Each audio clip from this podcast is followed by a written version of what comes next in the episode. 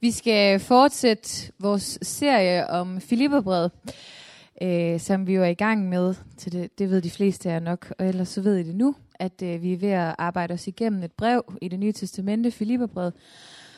Øh, og i dag der er overtitlen sådan den største Gud. Øhm, og det falder sådan lidt i to dele, fordi det er både Simon og jeg, der er på. Så jeg har sådan en første del, som er sådan en lille smule mere praktisk. Øhm, og så har Simon anden del, hvor det bliver sådan lidt mere teologisk. Øh, men det skulle gerne hænge sammen, og øh, så vil vi prøve at tage lidt ekstra tid til respons i dag. Så vi vil forsøge at fatte os lidt i korthed. Det tror jeg nok ikke på, men det vil vi forsøge. Øh, og så skulle der være øh, lidt ekstra tid til sådan at respondere i dag. Øh, men det tager vi lige til den tid. Øh, og så har vi faktisk tænkt, at vi skulle starte med et spørgsmål allerede her fra begyndelsen, fordi at øh, lidt i tråd med, hvad Christoffer snakkede om sidste gang, så en af de der sådan gennemgående temaer, der er i Filipperbrevet, det er det her omkring fællesskab, omkring enhed. Øh, kaldet til for os som kristne, eller for os som, som øh, menighed, at øh, vi må være et fællesskab, og at vi må stå sammen, at vi må være et. Det er meget sådan de ting, Paulus han betoner igennem det brev. Øh, og det vi så kunne starte med at snakke om, eller det I skal starte med at snakke om, det er, hvad tror fællesskabet og enheden? Øh, det må være noget, der ligger Paulus meget på sinde, siden at det kommer så mange gange. Øh, og det må også være noget, som er lidt svært af en eller anden grund for os mennesker. altså det her med at være et, og øh, stå sammen og blive sammen. Øh, og være sådan committed på et fællesskab. Så prøv at snakke lidt om, hvad for nogle ting truer fællesskabet og enheden? Hvad for nogle ting gør det svært at være et fællesskab? Hvad gør det svært at forblive en enhed? Øhm, ja, sådan som I lige ser det.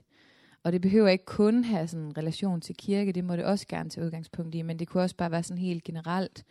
Hvad er det, der gør det svært at være fællesskab? Ja, så snak lidt om det.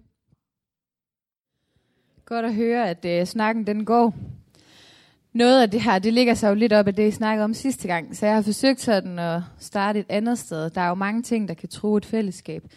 Øhm, men det, jeg sådan vil tage udgangspunkt i i dag, øh, det handler om, øh, jeg ved ikke om I har hørt, at man kalder vores generation for sabbergenerationen.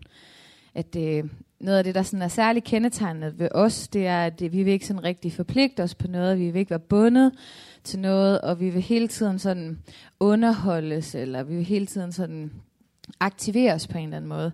Og det er jo helt fra, vi sådan er små, at det, der skal ske noget, og det skal være interessant, og ellers så skal vi videre til det næste. Øhm, og det er sådan den kultur, vi vokser op i, ikke? at fællesskabet i den grad er under pres. Øh, man snakker om det sådan på den politiske arena, der taler man om, at sammenhængskraften den sådan er forsvundet lidt i vores samfund.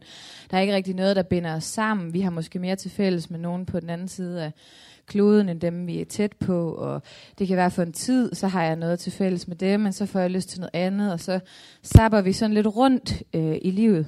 Og det gælder både sådan, når vi dropper ind og ud af uddannelser, efter hvad der sådan lige passer os, eller ind og ud af vennegrupper, eller ind og ud af ting, vi har forpligtet os på, familie og ægteskaber, alt muligt. Det, der er næsten ikke noget, der er så alvorligt i dag, at man ikke bare rimelig nemt alligevel kan forlade det.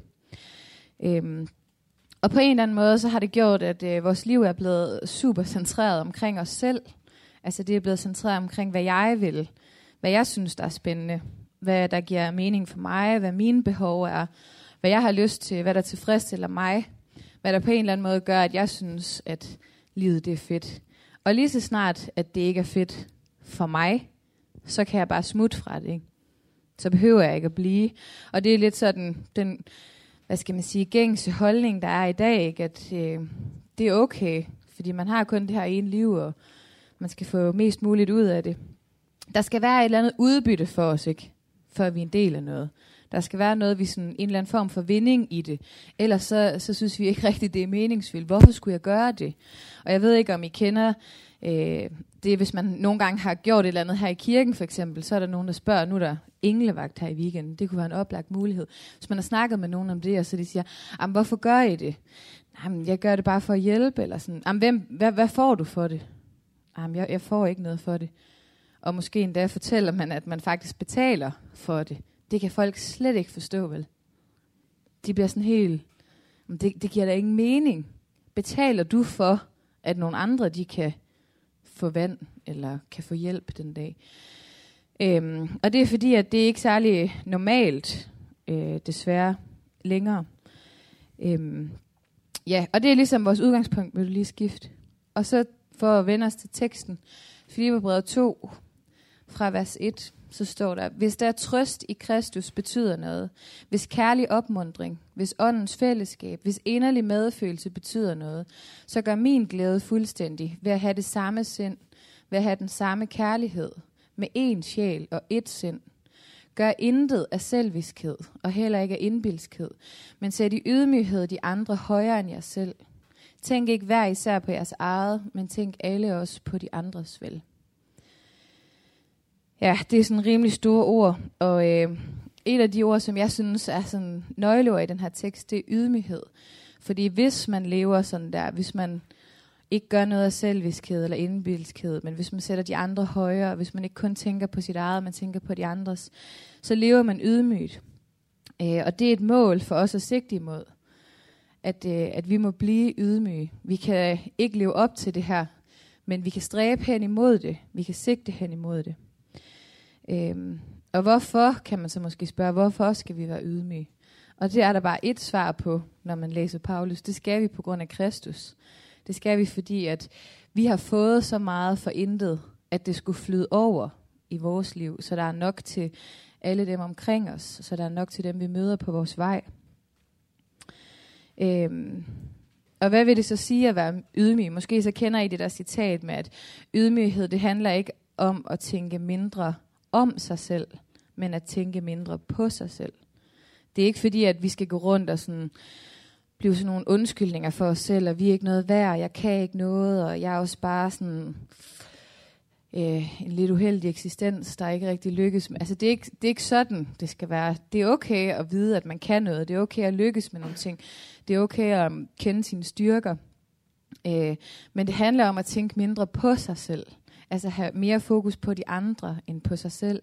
Mere fokus på de andres behov, på de andres vel, end på lige mit eget. Øhm. Og for så at gå tilbage til der, hvor vi startede med det spørgsmål, jeg stillede, jamen hvad tror fællesskabet? Jeg tror, at en af de allerstørste trusler for fællesskabet, det er i sådan en kirkeregi, så taler man nogle gange om den indre Adam. Altså for sådan at henvise tilbage til Adam og syndefældet dengang, at vi alle sammen har noget iboende i os, som er helt vildt brudt, som er gået i stykker, og som øh, ikke kan leve op til det, som det egentlig var tiltænkt. Øh, og, og det er sådan, man kan kalde det synd, man kan kalde det brudhed, man kan kalde det mange ting, men det som ligesom er iboende i os. Og øh, det har på en eller anden måde gjort os selv til centrum for verden, ikke? I stedet for at Gud er centrum, i stedet for at min næste er mit centrum, så er det mig, der er centrum. Og jeg ser alt ud fra, øh, hvordan jeg lige synes, at øh, tingene det skal være. Jeg vil ikke give slip på min ret. Jeg har ret til det og det. Eller jeg vil ikke bøje mig for, hvad nogle andre de synes, fordi jeg vil gerne have det på den her måde. Og det må de da kunne se, at det giver mere mening. Jeg vil ikke give afkald på ting, fordi hvorfor skulle jeg betale prisen for et eller andet, ikke? Øh, og i bund og grund, så handler det nok bare om, at vi af natur ikke er særlig ydmyge. Det er ikke let for os. Og det er heller ikke altid logisk, at man skal gøre de der ting. Fordi vi sådan instinktivt tænker på os selv, ikke? Vi sørger for os selv. Vi sørger for dem, der lige er omkring os. Øhm, men ikke desto mindre, så er det det, Jesus han beder os om at være. Det, det er den standard, han sætter for os. Og det er det, Paulus han skriver her til, til den menighed. Det er det, han kalder os til, og det var kaldet dengang til de mennesker, der levede, men det er også kaldet til os i dag, at vi må øve os i at sætte de andre højere end os selv. At vi ikke tænker på vores eget altid, men at vi tænker på de andres. Øhm. Ja, så læste jeg lige i dag sådan en kommentar om, omkring det, de her vers, hvor der så står, at i forhold til den sidste linje, tænk ikke hver især på jeres eget, hvad er vores eget? Øh, og det er i originalskriften, så det ord, der er brugt der, det er sådan lidt med en, kan man sige, en åben øh, slutning. Det betyder, at det er ikke noget bestemt, så det kan være alt muligt. Der kan vi sætte alle mulige ting ind. Øh, tænk ikke kun på din egen familie. Tænk ikke kun på din egen økonomi. Tænk ikke kun på din egen succes. Tænk ikke kun på dit eget helbred. Men også tænk på de andres. Altså, vi har ligesom fået et påbud om ikke kun at være optaget af, at jeg får tingene til at hænge sammen hjemme ved mig, hjemme i min familie, hjemme i mit liv. Men jeg har et ansvar også for jer, som de mennesker, jeg er forpligtet på, den menighed, jeg er en del af, de mennesker, som, som jeg lever min hverdag sammen med. Øhm. Og det synes jeg, det er, en, det er en udfordrende tanke, det her med, at jeg faktisk er forpligtet på de andre. Så hvis der er en af jer, der, hvor det sejler helt vildt på et eller andet område, jamen så er det også en bekymring for mig. Lidt ligesom Christoffer talte om sidste gang, det her med lægemet. Altså hvis et lem lider, jamen så er, de, så er vi alle sammen på en eller anden måde lidende. Og når et lem lykkes med et eller andet, så glæder vi os alle sammen. Øhm, og det er lidt det samme her, at, at man kan ikke bare sige, sådan, nu har jeg mit på det rene, og nu kører det for mig, hvis det så ikke kører for nogen af de andre. Og det er i hvert fald noget, som er meget udfordrende for sådan vores kultur. Det her med, at vi, vi ligefrem er forpligtet på hinanden. Ikke? Det er ikke engang nok, at jeg sådan skal prøve at komme og bidrage lidt med nogle ting. Nej, jeg er faktisk en del af noget her sammen med jer. Og det er jeg både på de gode dage og på de dårlige dage. Det er jeg både, når jeg har overskud til det, og når jeg ikke har overskud til det. At der er vi forpligtet på hinanden, og vi har et ansvar over for hinanden. Og det har vi i bund og grund, fordi at Jesus han forpligtede sig på os. Han tog ansvaret for os. Øh, og han gik foran på det her område, ikke? og viste os vejen for, hvordan man offrer sig for de andre. Hvordan man lægger sit eget liv ned for de andre. På en, I en meget, meget større målestok, end det vi snakker om her. Her der, der, der lyder påbud, tænk ikke kun på jer selv, men også på de andre. Altså vi skal have det helt ind i vores mindset, helt ind i vores tanker, i vores hjerte, at jeg er optaget af, hvordan har I andre det? Hvordan går det for jer? Hvordan lykkes I med tingene? Det er ikke lige meget for mig. Det bør det ikke være. Ja. Og så kan man så tænke, Nå, skal jeg så bare sidde derhjemme og tænke på det? Altså sådan meget ydmygt, sidde derhjemme i en stol og tænke på, øh, hvordan går det mon for de andre? Og sådan, altså, nej, det skal man selvfølgelig ikke. Og det ligger på en eller anden måde implicit i den her formaning. Tænk ikke øh, hver især på jeres eget, men tænk også på de andres vel, at tanken, den fører til handling. Den må føre til handling, ikke? Altså, kærligheden, den tvinger os til en masse ting. Og det kender man måske fra sin nærmeste familie, ikke? og det kender de fleste mennesker, at hvis man elsker nogen, så er man villig til at gøre meget for dem.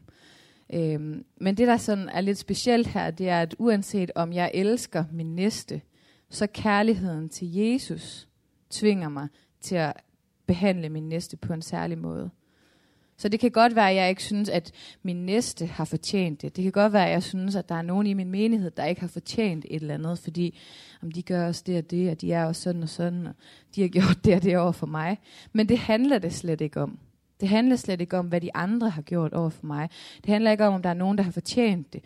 Hvis Jesus havde tænkt sådan dengang, så havde vi været øh, i rimelig store problemer i dag, ikke? hvis det havde handlet om, om vi havde fortjent det, om vi havde gjort os øh, fortjent til det, han gav for os. Og den samme tankegang må vi have over for de mennesker, vi er forpligtet på.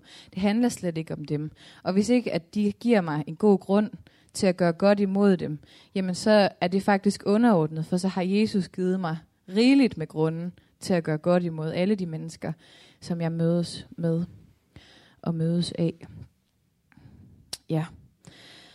Og for så at gøre det en lille smule mere praktisk, så kommer det næste spørgsmål. Hvordan ser ydmyghed ud i praksis? Kom gerne med konkrete eksempler. Det kan hurtigt blive sådan lidt abstrakt, det her med at elske sin næste og gøre godt imod alle og tænke på de andres vel og sådan noget. Og nu sagde jeg, at det var jo ikke nok at tænke. De tanker, de skulle gerne føre til handling. handling. Så prøv at snakke øh, lidt om, hvad, hvad kunne det være for nogle ting, vi var optaget af at gøre for hinanden. Øh, hvor kunne man starte? i dag eller i morgen? Hvad kunne man begynde med? Hvordan kan man commit sig? Hvordan kan man vise, at det, jeg vil forpligte mig på fællesskabet? Hvad for nogle skridt kan jeg tage ind i min menighed, i min ungdomsgruppe, i min cellegruppe, i de øh, sociale arenaer, I er i? Hvordan kan, kan I være med til at gå foran der og vise den her øh, ydmyge livsstil, som vi så i teksten? Ja, værsgo. Yes. Godt, godt at høre, at uh, snakken den stadig kører. Nu gider Trier og Anders ikke mere. Nå. Er det ikke en sej kone, jeg har? Synes jeg også. Sara, hun har fortalt os lidt om, hvad det vil sige at, øh, at leve ydmygt, hvad det vil sige at leve uselvisk, som var nogle af de øh, vers, som vi havde her. Og øh, jeg ved ikke, om I kan, nogen af jer kan måske huske en gang, jeg øh, prædikede til G2. Jeg ved ikke, om nogen af jer kan huske, at øh, jeg fortalte en lille hemmelighed om, at jeg engang var en stor øh, Beyblade-fan. Hvis nogen kan huske Beyblade. Jeg ved ikke, om jeg er ved at være for gammel til det. Øh, hvordan at jeg, og det er lige ved, at jeg næsten var teenager, så det er næsten pinligt, men hvordan jeg så rigtig meget op til ham, Kai fra Beyblade. Jeg ved ikke, om nogen af jer kender ham. Han var, han var rigtig sej, synes jeg. Jeg kunne godt lide, han var sådan lidt, han var sådan lidt en lonely boy, og alligevel så var han bare mega stærk sådan for sig selv. Eller sådan, altså han kunne meget i egen kraft. Ham synes jeg, øh, han var rigtig sej, ham så rigtig meget op til. Jeg kan huske, jeg begyndte den der faktisk at snakke lidt som ham sådan med hans accent. Han havde sådan en rigtig god, jeg sen, fandt senere ud af, når det var bare en københavner accent åbenbart. Men jeg synes, det lød rigtig sejt. Så jeg prøvede at sige ligesom ham. Jeg prøvede sådan at imitere ham og finde ud af, hvordan gør Kai? Det skal jeg også gøre. Og øhm, det er egentlig lidt det, Paulus han vil have os til her. Ikke lige med Kai fra Beyblade, men med, med Jesus. Han vil have os til at se på Jesus. Finde ud af, hvad er han for en? Hvordan virker han? Hvordan taler han? Og mest af alt faktisk egentlig, hvordan handler han? Og vi så efterligner det, følger efter og gør ligesom ham. Og lad os inspirere af det, og gøre ligesom han gør. Jeg ved ikke, om I, øh, I kender det der med, hvor at man ser nogen, og man tænker bare, I har virkelig bare opgivet så meget for andre menneskers skyld, og det er så mega flot. Tænk, at I kan lægge det der ned. Tænk, at I kan give afkald på det der. Tænk, at, at I giver afkald på jeres rigdom øh, til fordel for at, at være for fattig. Tænk, I giver afkald på popularitet, eller ry, eller rygte, for at have et dårligt rygte, for at være upopulær, for at være med, for at være hos de syge, whatever.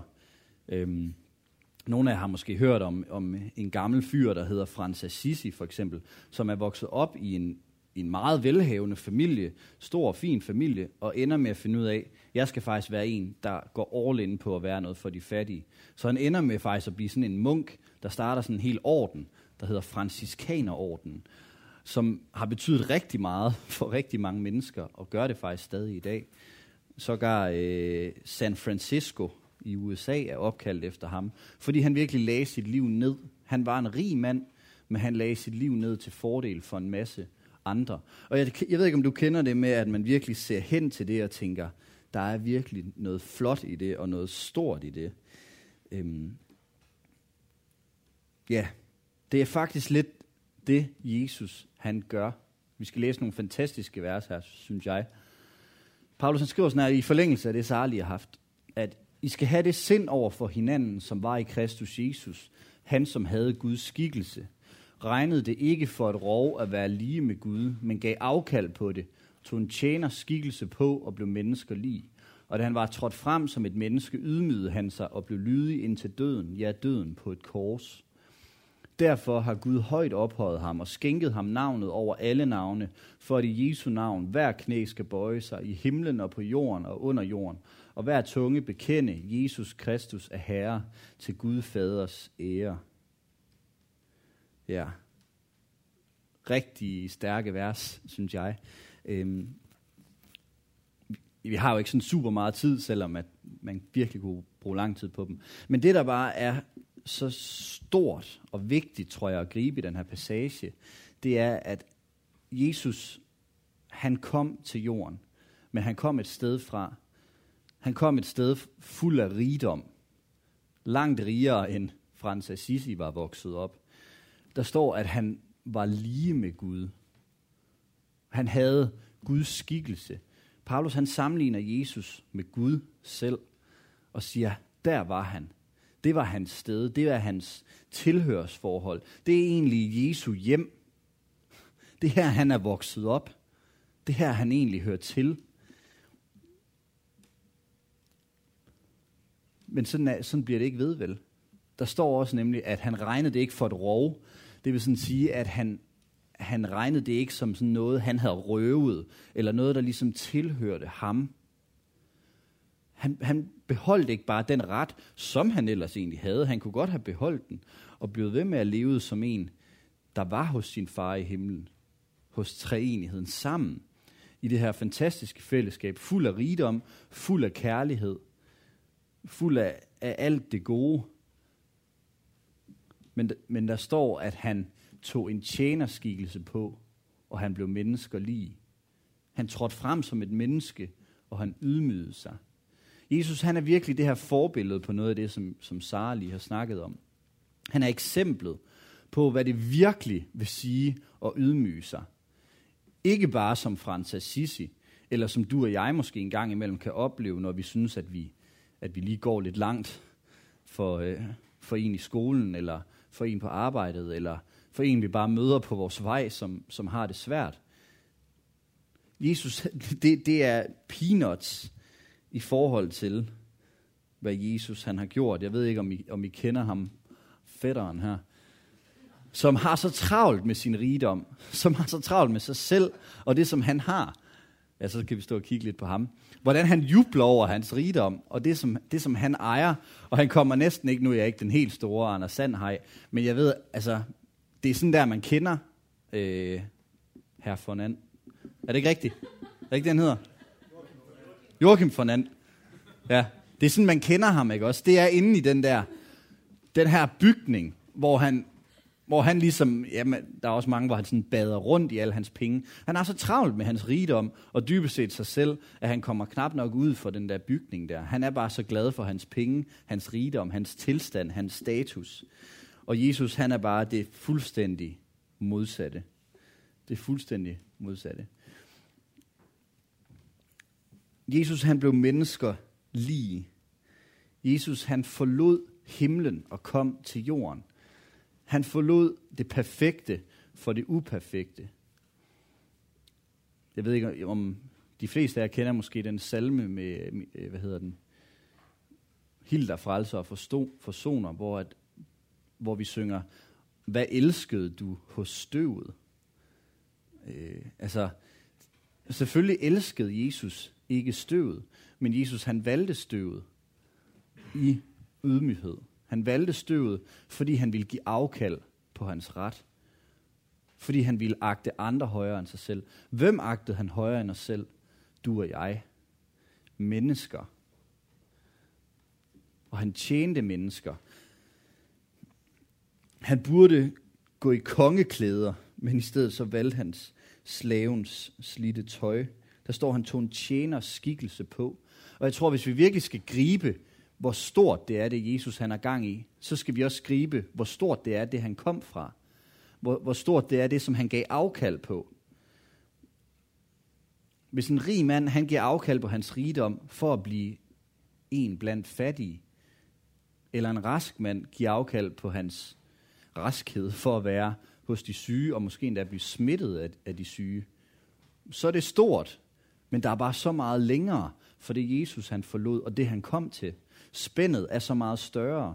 Og jeg tror først virkelig, vi forstår, hvor stort det er, at han kom. Hvor stort, for at bruge et fint ord, inkarnationen virkelig er.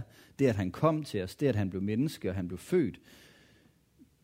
Det forstår vi kun virkelig, hvis vi, hvis vi forstår, hvad han gav afkald på. Hvor stor en pris det var. Og det kan vi slet ikke sætte os ind i helt i menneskelige termer. Han kom til os, og han blev menneske. Og Paulus siger, han blev lydig indtil døden, ja, døden på et kors. Her der maler Paulus virkelig ud, man mener faktisk, det er sådan en gammel salme, det her, som, som de første, aller, aller første kristne har gået og sunget, som Paulus tager frem og så bruger. Og den er jo virkelig all about Jesus, og det er jo, det er åbenbart sådan, de sang dengang, hvis det er rigtigt, det er en, en salme. Og de fremhæver det her med korset. Det er interessant, fordi korset, det er jo virkelig i manges ører. I, i dag der er vi så vant til at høre, ikke også, når jeg han døde på et kors.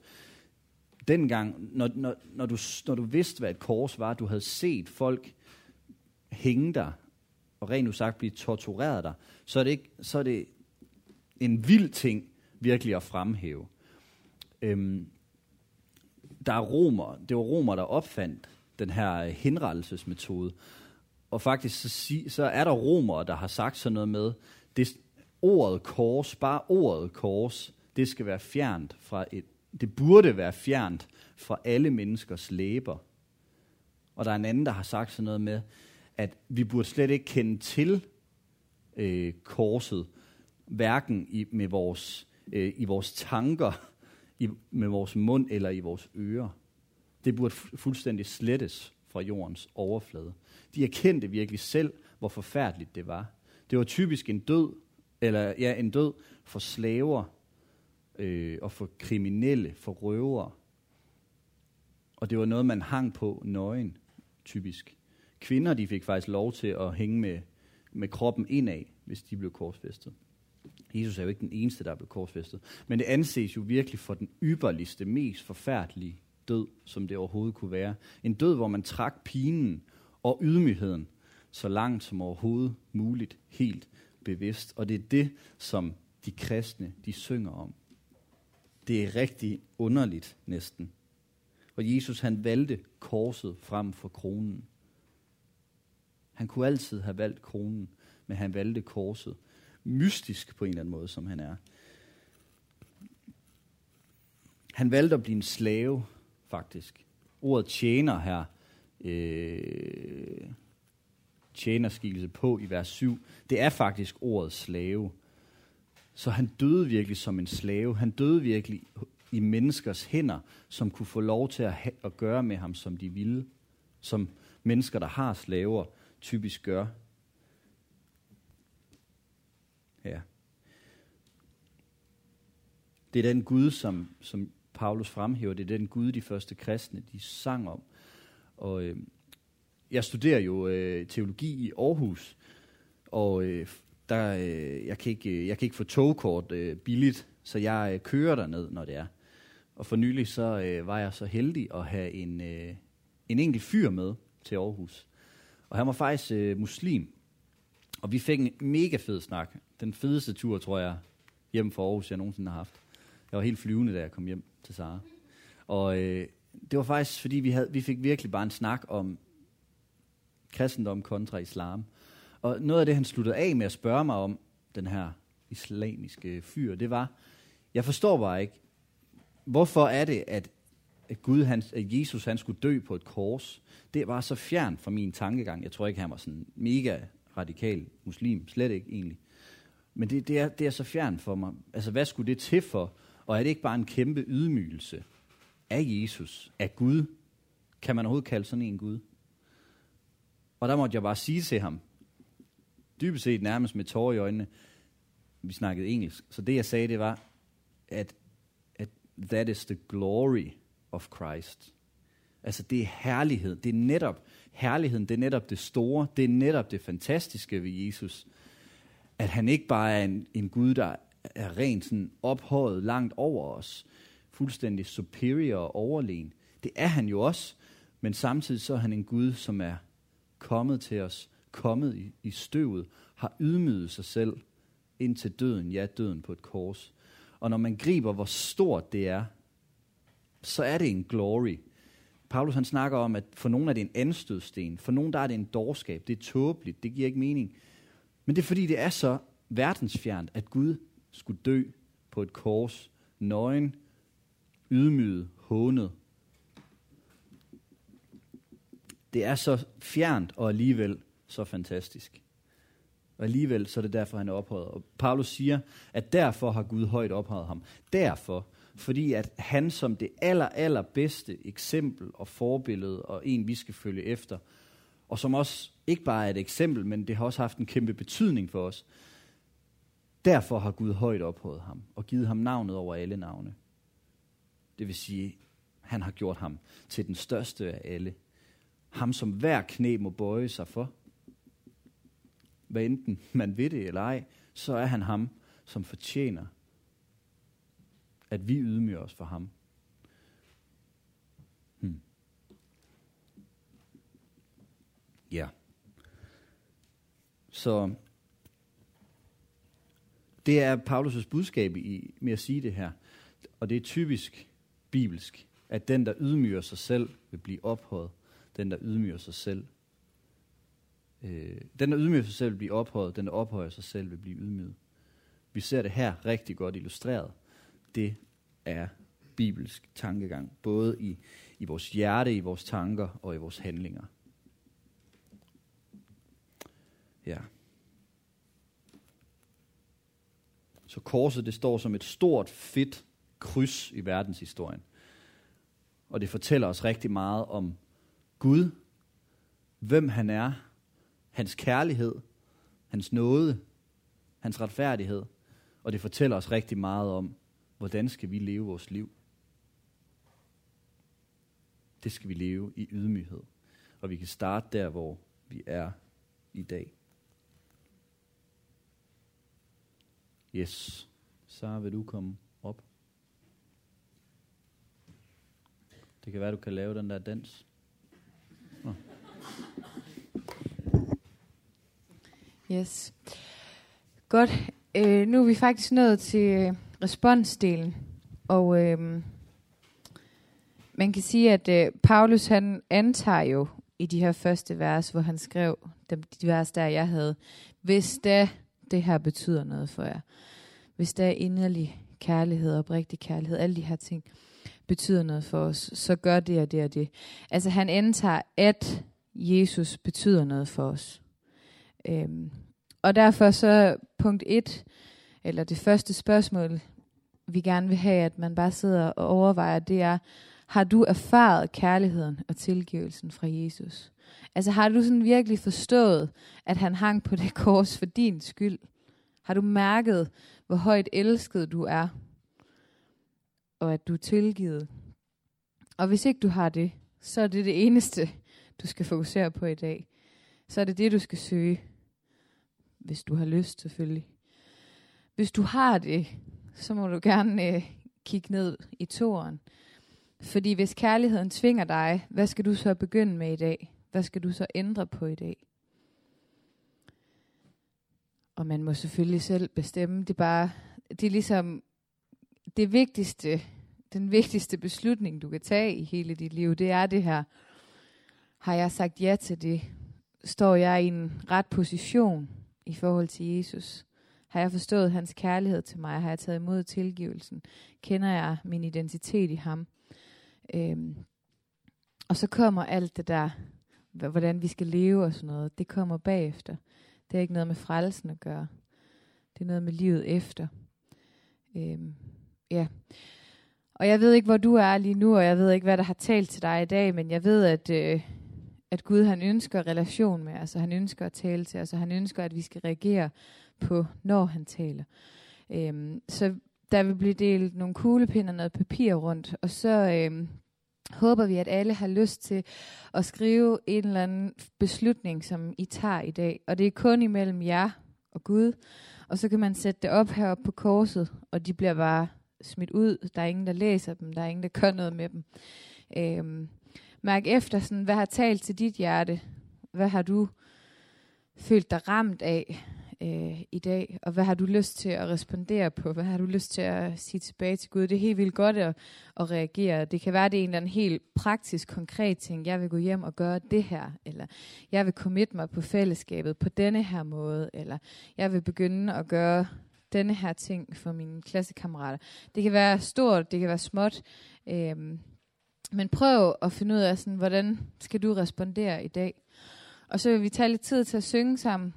Og øh, det er også helt fint at finde en lige at snakke med, en at bede sammen med. Det er mega vigtigt, når man tager sådan nogle beslutninger, at tale med nogen om det.